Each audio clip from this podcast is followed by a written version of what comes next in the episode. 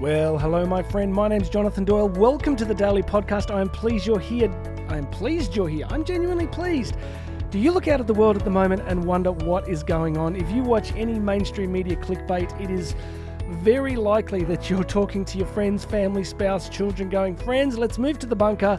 It is all over. Please remember the reason the mainstream media presents this stuff to us all the time is simply because if it bleeds, it leads. We have a biological, in terms of evolutionary biology, we have an evolutionary biology, biological predisposition to fear.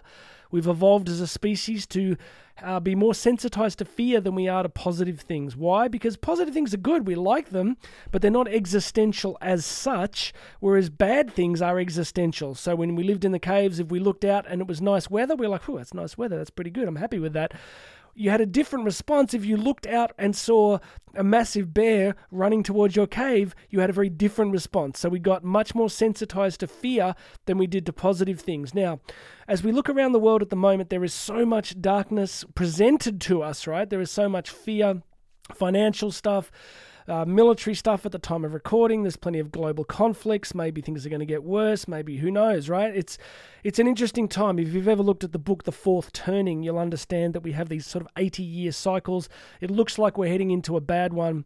But I want to give you a couple of points. I want to give you this idea of a compelling future, a compelling future.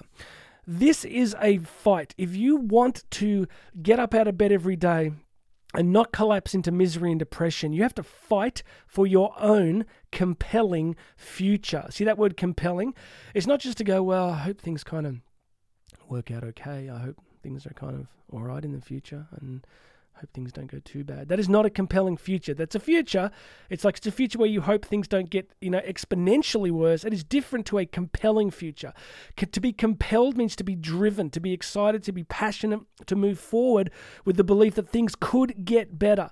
It's a decision, it's a choice.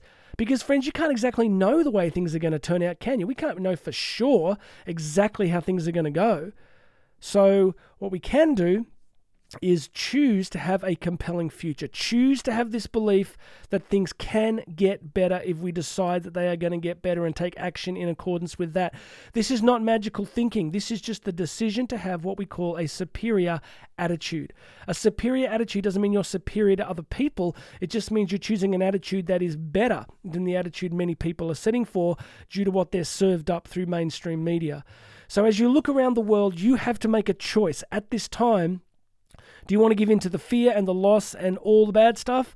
Or do you want to give into the belief that things can actually be better if you decide they're going to be better? You see, no matter what you're going through, you can find ways for them to things to be positive. You know, my mother was over for dinner last night, and uh, you know she was born in '43. You know, my father was born, I think, in '37, and he lived through the bombings of London. So they both sort of had that experience as kids. But they would often talk about how there was an incredible community spirit. There was a huge sense of being in it together and taking care of each other. Now, nobody would say would have wished for what they lived through. Nobody said, you know what, I would love a compelling future where I get randomly bombed by people trying to kill me. Nobody would think that. But even in the darkest of times, there are positives. There are things that there is growth that comes out of the darkness. So I want you to get up off the mat again. I want you to get back in the game of life and realize that if you want a compelling future, then you are going to have to choose that. It is your choice. Oh, Jonathan, but you don't understand what. No, I don't necessarily know your circumstance, but I can point to so many men and women who've been through adversity and difficulty and suffering and loss and have found ways to still create a compelling future. Go and read Eddie Jaku's book, The Happiest Man Alive or The Happiest Man in the World. That book is just rock solid. My my 12-year-old daughter's reading it at the moment. It's amazing. So friends, get out there, take your gaze off the darkness in the world and decide to build your compelling future. Make sure you subscribe to the podcast. Go and check out all the links. My name's Jonathan Doyle. I'm going to talk to you again tomorrow.